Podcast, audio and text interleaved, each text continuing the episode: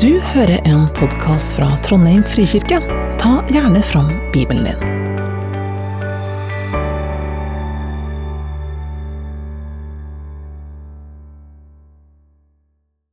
Jeg skal lese fra Matteus 5, vers 21-42, og utvalgte deler av det. Dere har hørt det sagt til forfedrene, du skal ikke slå i hjel. Den som slår i hjel, skal være skyldig for domstolen. Men jeg sier dere, den som blir sint på sin bror, skal være skyldig for domstolen. Og den som sier til sin bror, din idiot, skal, den skal være skyldig for det høye råd. Og den som sier 'din ugudelige narr', skal være skyldig i helvetes ild. Dere har hørt det sagt, du skal ikke bryte ekteskapet. Men jeg sier dere, den som ser på en kvinne for å begjære henne, har, allerede begått ekteskapsbrudd med henne i sitt hjerte. Dere har også hørt det jeg har sagt til forfedrene. Du skal ikke sverge falskt, og du skal holde det du har lovet Herren med ed. Men jeg sier dere, dere skal ikke sverge i det hele tatt, verken ved himmelen, for den er Guds trone, eller ved jorden, for den er hans fotskammel, eller ved Jerusalem, for det er den store kongens by. Dere har hørt det sagt, øye for øye og tann for tann. Men jeg sier dere, sett dere ikke til motverge mot den som gjør ondt mot dere. Om noen slår deg på høyre kinn, så vend også det andre til. Vil noen saksøke deg og ta skjorten din, så la han få kappen også. Om noen tvinger deg til å følge med en mil, så gå to med han. Slik lyder Herrens ord.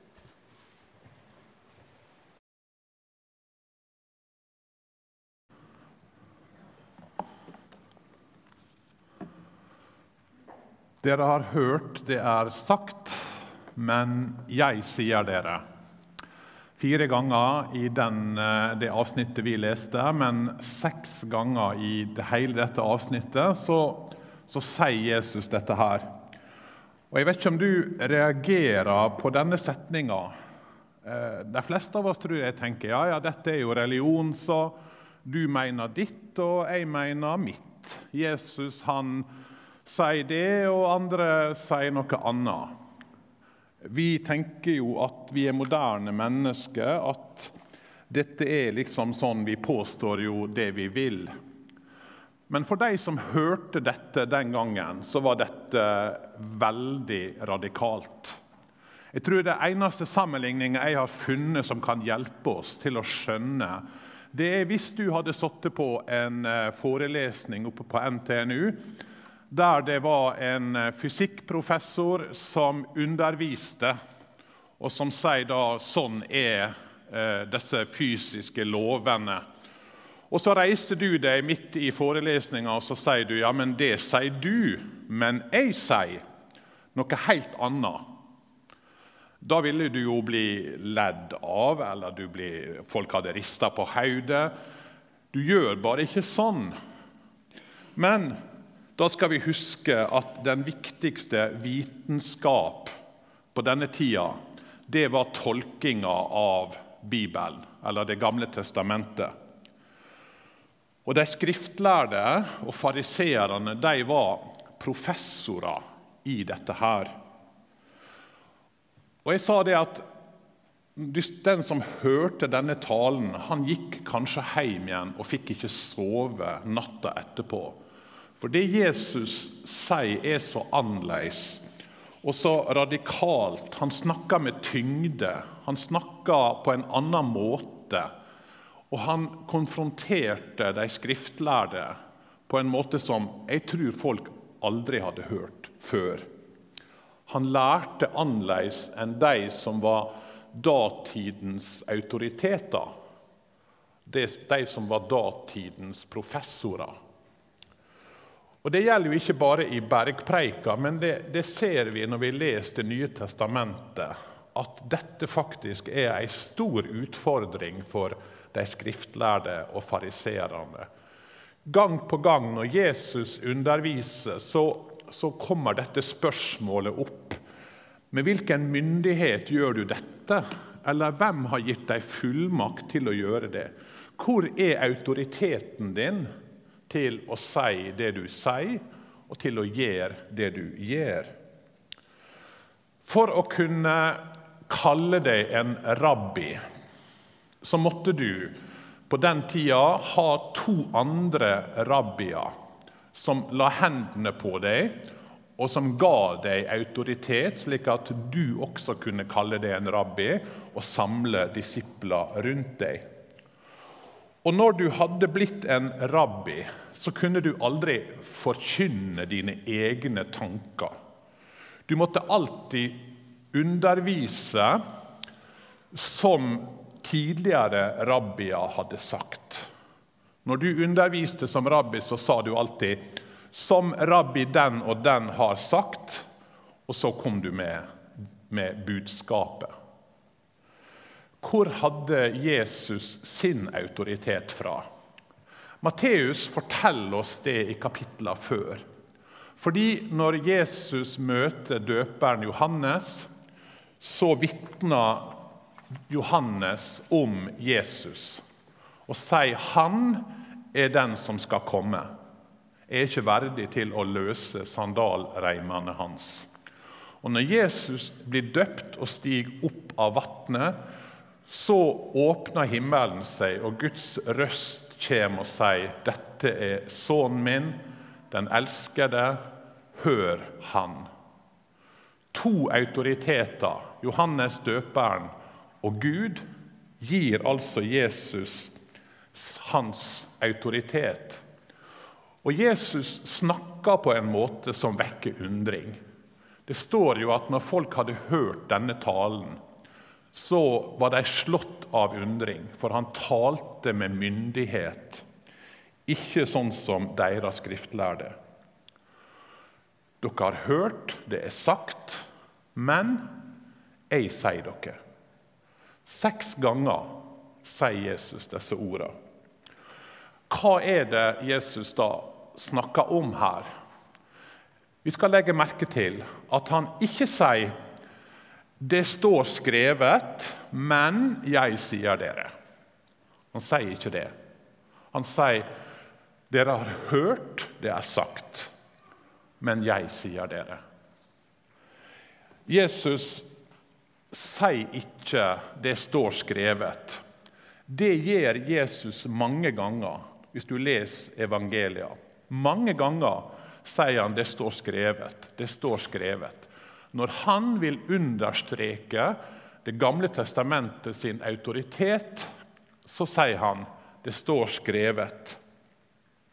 Men her sier han 'dere har hørt det er sagt'. Og Det han tar utgangspunkt i, det er både Bibelen og fortolkninga som de skriftlærde hadde av Bibelen, av Det gamle testamentet. Det som Denne fortolkninga, som heter Mishna, som på en måte var de skriftlærde si lovbok og forklaringer og tillegg til Bibelen sine mange bud. Så Jesus viser til tolkninga av Skriftene.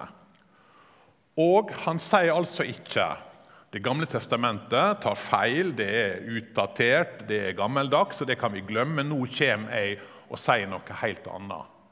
Nei, han sier jeg tar et oppgjør med måten lova har blitt tolka på. Og så virker det jo som om Jesus da innskjerper eh, Moselova eller buda. Det er som om Jesus sier ja, Moses sa du skal ikke drepe, men nå kommer jeg, og så skrur jeg opp forventningene mange, mange hakk. Du tror du kommer unna med å la være å drepe, du, men det gjør du ikke. Nei, her skal kravene heves. Men er det det Jesus virkelig gjør? Nei, Sånn som jeg tenker og leser bergpreika, så sier Jesus jeg kommer for å vise og for å tolke hvordan Guds vilje egentlig var tenkt. Hvordan Gud ville at vi skulle leve sammen etter hans vilje. og etter hans bud. Og så går han altså bak det ytre, og han går til hjertet. Som jeg sa sist søndag, så kan vi godt bruke bildet av et isfjell. Fordi det er veldig fort gjort å bli opptatt av de ytre tinga. Ehm, hva betyr det bud, og hvordan skal vi tolke det? og Kan vi gjøre det på søndag, eller kan vi ikke gjøre det på søndag? Sånn som det var når jeg vokste opp. i alle fall. Masse diskusjoner om hva kan du gjøre på en søndag uten å bryte bud om å holde hviledagen hellig. Jesus gjør noe annet. Han går djupere. Han går til hjertet. I stedet for å fokusere på de ytre tinga så går Jesus til motivene våre og til hva som er i hjertet. Og Da blir hans lære annerledes enn de skriftlærde. Fordi de skriftlærde var opptatt av det ytre. De. Og Det var en grunn til at de skriftlærde var opptatt av de ytre tinga. Og Det tror jeg vi kanskje trenger å forstå. Hva var bakgrunnen for at de skriftlærde var så opptatt av alle detaljer i buda. Var det fordi at de var bare sånn ja, litt dum? Nei, de var fromme, og de ville virkelig følge Gud. Så hvorfor da dette ytre? Og Da må vi skjønne bakgrunnen. Og Bakgrunnen er at eh, Israel, som bestod av to riker, Nordriket eh, og Sørriket det var, ble delt etter kong Salomo. Så i flere hundre år var det et delt rike. Nordriket gikk under da asyrerne eh, inntok Samaria og hele Nordriket, det som heter Israel, opphørte på en måte å eksistere. Sørriket, Juda, varte i 160 år til, men også de gikk under i 586, da babylonerne kom og inntok riket og bortførte folket til Babylon. Dette var ei kjempekrise for de skriftlærde og for de som trodde på Gud. Og Deres konklusjon var jo at dette var Guds straff fordi folket hadde brutt Guds vilje. De hadde ikke fulgt Guds bud godt nok. Og Derfor ble de opptatt av å følge alt, for å sørge for at Gud igjen kunne velsigne Israel. Så deres tanke var veldig god. Vi må følge alle Guds bud, slik at Guds velsignelse kan hvile over folket og over landet. Og For å sikre seg så lager de detaljerte bud. Ikke bare de 613 budene som vi finner i Bibelen, men de lager ca. 3000 i tillegg. Og Det gjorde de for å på en måte være på den sikre sida. Det var som å sette opp et gjerde av 3000 regler for å sikre seg at en i alle fall ikke brøt de 600 liksom i den indre kretsen. Og Kanskje når vi forstår det, så skjønner vi at motivet deres var ikke dårlig. De var fromme mennesker som ville at Guds velsignelse skulle hvile over folket. Og Da måtte en holde alle bud, små og store. Og hver enkelt detalj blei viktig. Nå syns vi sikkert dette er jo litt rart. Men bare tenk sjøl hvor fort vi har litt av den samme tankegangen. Jesus sier vi skal ikke kalle noen for en idiot. Og Så tenker du ja, jeg skal passe meg sånn at jeg aldri kaller noen for en idiot, men han er jo egentlig en tosk. Og så tror vi at vi har holdt budet. Eller når jeg da aldri har sagt 'din ugudelige narr' det, det tror jeg aldri jeg har sagt til noen. Men har jeg dermed holdt budet? Og Det er det Jesus på en måte peker på. Det er akkurat det Jesus anklager de skriftlærde for. De var opptatt av å finne smutthull. De ble opptatt av det ytre istedenfor hvordan elsker du denne personen som du ikke liker? eller som du egentlig syns er en tosk, hva sier det om hjertet ditt? Jesus er ikke opptatt av å skru opp kravene, men han er opptatt av forvandling. Han er opptatt av et annerledes liv. Han er ikke opptatt av å skru opp forventningene bare for at vi skal ha det vanskeligere enn det Moses har gjort. Men han er opptatt av å forandre hjerter, slik at de blir prega av godhet og kjærlighet og varme og omsorg, ikke hat og sinne. Når Jesus sier at han var kommet for å oppfylle lova, ikke for å oppheve den, så prøvde jeg å si sist gang at når han bruker dette ordet 'oppfylle', så er det et ord som en skriftlærd ville bruke for å si Jeg både tolker lova riktig, og jeg lever etter den. Og Så sier Jesus det er jeg kommet for. Jeg er kommet for å vise dere, invitere dere inn i et annet slags rike, i Guds rike, der ting er snudd på hodet. Og så har jeg kommet for å undervise om hva Guds vilje egentlig er for livet ditt. Og så viser jeg det gjennom måten jeg sjøl lever på.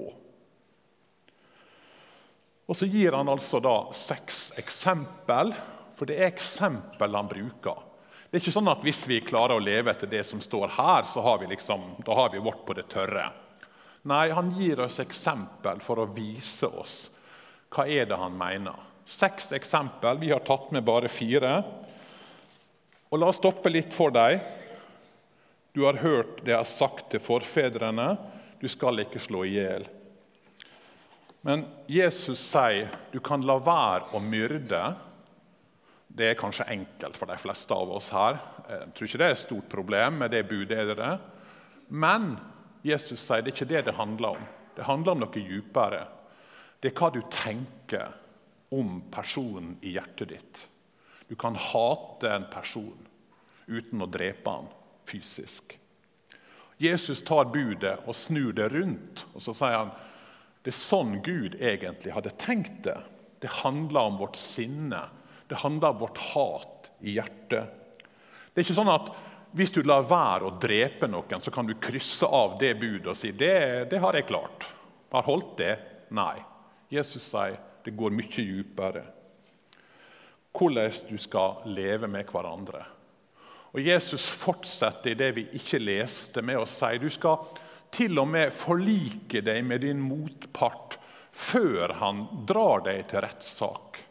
Det er ikke bare sånn at når du er i en rettssak, så prøv å bli enig. Men, men bli enig med han allerede på veien. Jesus snakker ikke bare om å la være å gjøre vonde ting, men han snakker faktisk om å ta initiativet i forhold til mennesker som du har en konflikt med. Prøv å bli enig Prøv å forlikes. Og Dette kommer altså, ifølge Jesus, fra dette budet 'du skal ikke slå i hjel'. Og Sånn sett så viser han oss det går faktisk veldig mye dypere enn bare å ta livet av noen. Og Det samme med det sjette bud. Jesus sier du har ikke holdt det sjette bud bare fordi du lar være å ligge med en annen person som ikke er ektefellen din. Nei, Jesus går til hjertet og sier noe om at når du ser på ei kvinne med begjær, med lyst, så har du allerede brutt dette, dette budet.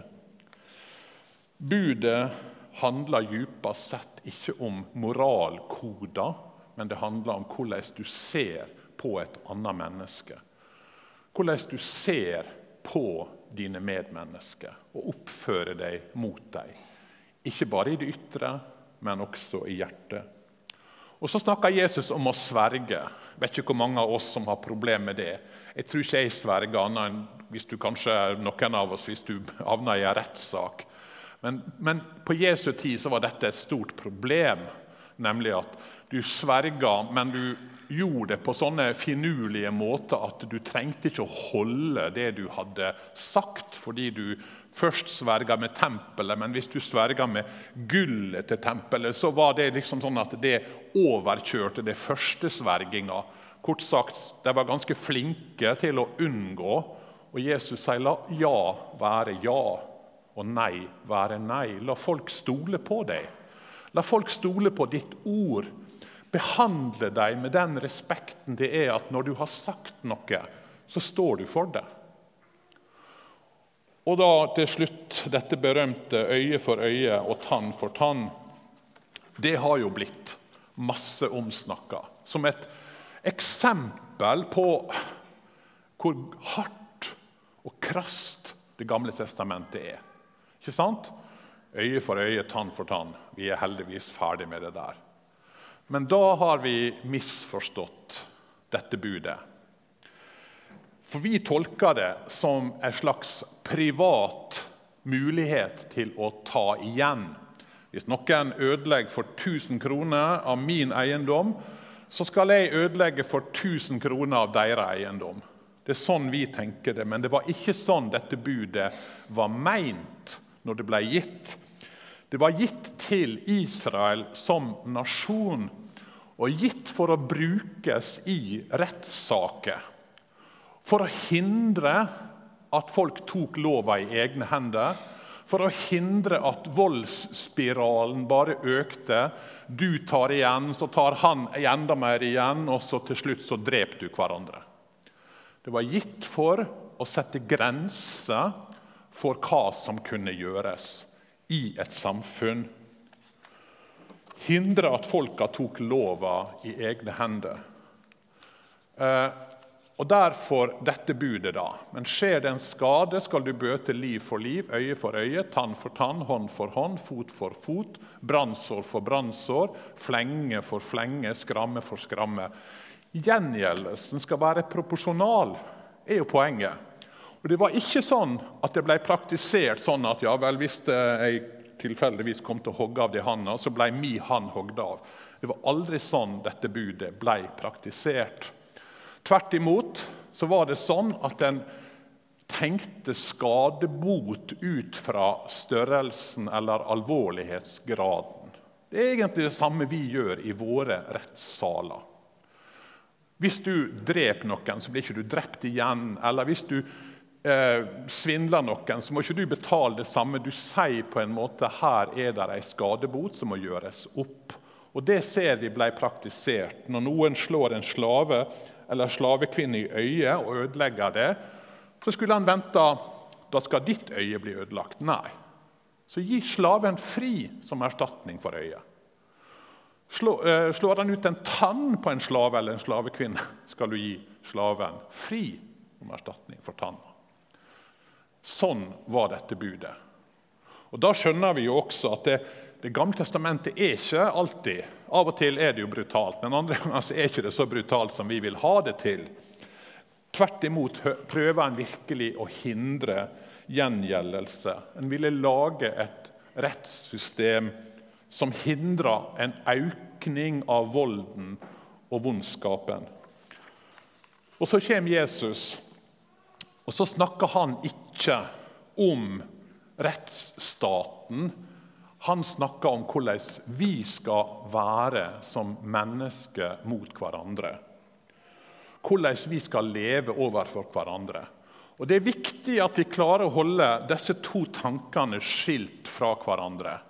At Israel hadde lover og regler, og at rettssystemet må ha regler også i Norge i dag for at ikke vondskapen skal spre seg, og at vondskapen skal slippes løs.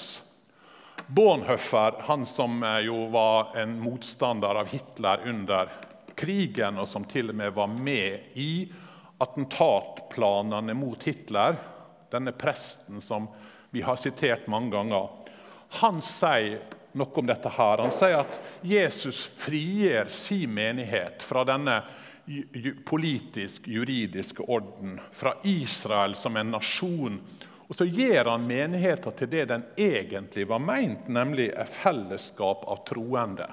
Ubunden av politikk og nasjoner. For det gamle Israel sier han, det hadde jo vært begge deler. Det var Guds folk, men det var også en nasjon. Og Derfor kunne, måtte Gud sette grenser for vondskapen. Vold mot vold. Men så avslutter han med for Kristi kirke er det annerledes. Den har forlatt all politisk og nasjonal status, og derfor må den tåle aggresjon mot med tålmodighet. Vi er Kristi kirke, sier han. Vi er ikke et politisk organisasjon. Vi driver ikke altså med rettssystem, men vi lever som disipler i hverdagen vår. Og hvordan skal vi leve? Det er det Jesus snakker om.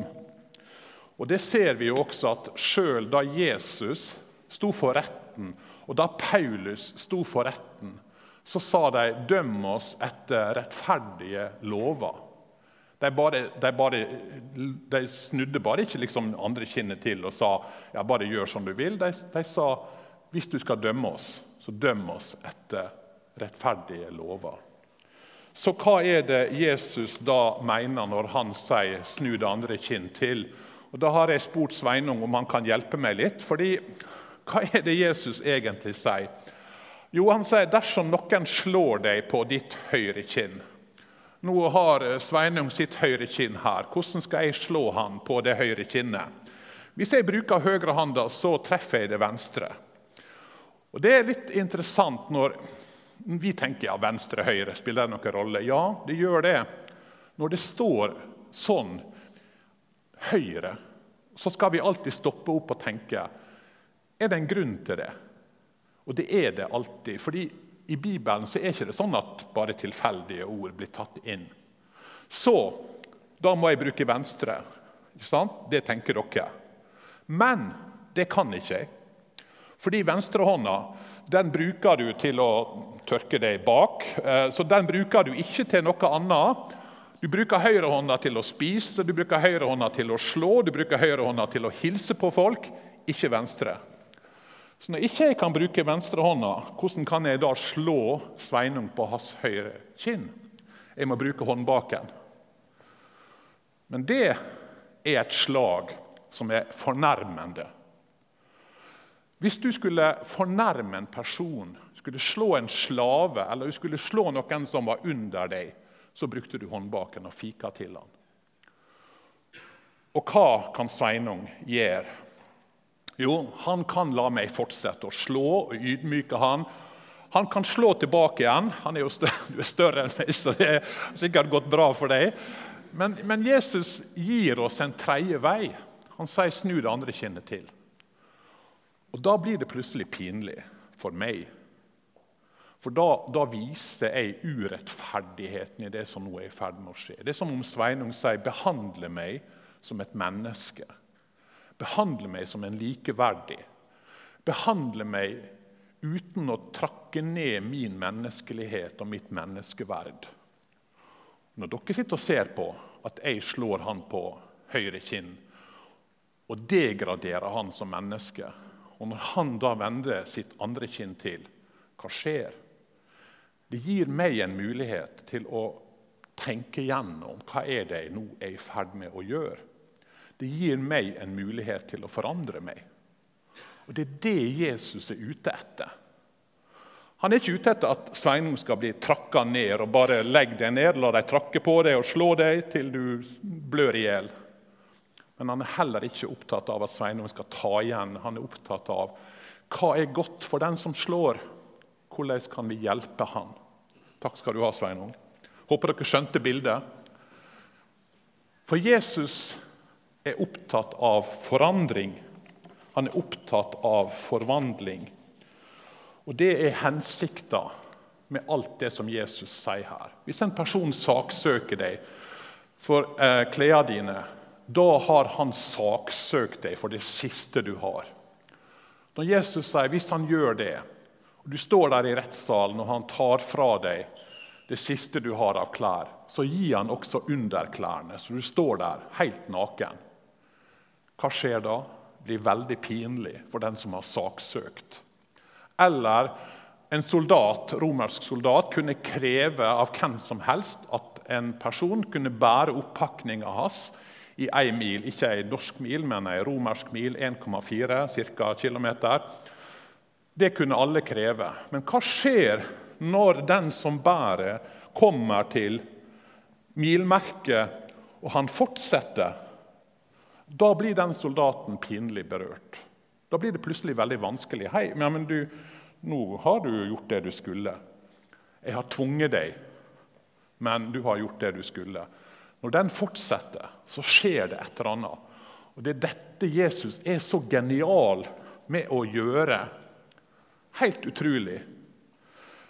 Han viser hvor provoserende egentlig dette er. Jeg gir denne personen en mulighet til å innse hvor urettferdig dette faktisk er. Og jeg tenker Jesus er egentlig helt utrolig smart, genial. Og Det var dette Martin Luther King oppdaga når han skulle prøve å kjempe for de svarte sine rettigheter i USA. Han tenkte at Jesus visste hva han snakka om. Han tenkte Jesus veit faktisk hva han snakka om. han. Og Han prøvde ut denne måten å leve på, og det var genialt. Og Så oppdaga Martin Luther King det som Jesus egentlig sier her. At kjærligheten er den eneste kraft som er i stand til å omskape en fiende til en venn. Ikke en kjærlighet som ikke konfronterer. Ikke en kjærlighet som er blaut og som bare gir seg, men en kjærlighet som kan være tøff og som kan konfrontere, men som gir den andre personen en mulighet til å se hva er det egentlig jeg holder på med nå? Hvorfor er jeg så urettferdig? Og Det er det Jesus er ute etter. Mennesker som lever annerledes. Problemet som jeg ser det, eller Ett problem som jeg ser, det er jo at ganske mange tenker at Jesus var jo en fin og snill skikkelse. Litt enfoldig, kanskje. Eh, ikke sant? Han eh, var et barn av si tid som ikke forstår hvor kompleks denne verden er. Som ikke har innsikt og kunnskap til å takle vår moderne verden og våre moderne liv. Han var snill, men ikke særlig intelligent. Han kunne nok lære folk på den tida mange gode ting, men i dag så har vi annen kunnskap. Og Så ser vi for oss Jesus vandrende liksom rundt der i Galilea blant sauer og blomster og i det hele tatt, og, og fugler under himmelen. Interessant, men litt utdatert. Og En sånn tanke det betyr jo døden for alt disippelskap. For hvem vil følge en lærer som ikke har peiling på våre utfordringer og våre problem og vår hverdag. Hvem vil overgi livet sitt til en sånn person? Ingen vil jo det. For vi tenker jo at handlingene våre og livet våre må være basert på ekte kunnskap. Og Der når ikke Jesus opp mot dagens psykiatere og influensere og, og, og moderne vitenskap. Og så tenker jeg det er så feil som vi kan ta. Jesus veit hva han snakker om. Det er et feil fordi vi, vi, har jo et veldig feil bilde av livet i Israel for 2000 år siden. Jeg skal ikke komme inn på det, men det var et samfunn som var veldig moderne og klokt på mange måter. Men mest av alt fordi Jesus, hvis han virkelig var Guds sønn, som vi tror han var, så er det jo han som har gitt oss intelligensen vår. Hans intelligens er enormt mye større enn vår. Hans visdom er enormt mye større enn vår. Og Derfor er det spennende å tenke at bergpreika faktisk har med vårt liv i dag å gjøre. At Jesus faktisk er genial når han sier Lev sånn, som mine disipler. Lev i dette opp-ned-riket, selv om verden kanskje ikke alltid forstår det. At ikke du tar igjen, at ikke du saksøker, at du snur det andre kinnet til. Lev sånn, og se om ikke dette er klokt, at dette er et godt liv. Jesus han sa en gang min lære er ikke min, men kommer fra Han som har sendt meg. Den som vil gjøre Hans vilje, skal skjønne om læren er av Gud, eller om jeg taler ut fra meg selv. Det Jesus utfordrer oss til i bergpreika. Et annerledes liv. Det er ikke enkelt, og det skjer ikke sånn over natta. Det skjer heller ikke bare ved at vi tar oss sammen. Men det skjer i daglig omvendelse det skjer når vi følger Han, hører Hans ord. Det skjer når Den hellige ånd får lov å lede oss og forme oss og forandre oss. Når vi åpner våre hjerter for at vi skal få lov å leve dette nye livet sammen med Han og bli mer og mer lik Han. Jeg tenker det er et utrolig spennende liv. Det er et utrolig godt liv Jesus kaller oss til. La oss be. Takk, Jesus, for at du har gitt oss en visdom som vi kanskje av og til syns er naiv, men som er genial. Hjelp oss til å se at det livet du kaller oss til, er det gode livet. Det er det annerledes livet. Det er det livet i det opp-ned-riket som du kalte for Guds rike. Jeg ber om at du skal føre oss dit, lede oss på de veiene som fører dit, slik som vi ba om tidligere i gudstjenesta også. Amen. Takk for at du hørte på. Velkommen til gudstjeneste søndager klokka 11. Mer informasjon finner du på trondheim.frikirke.no.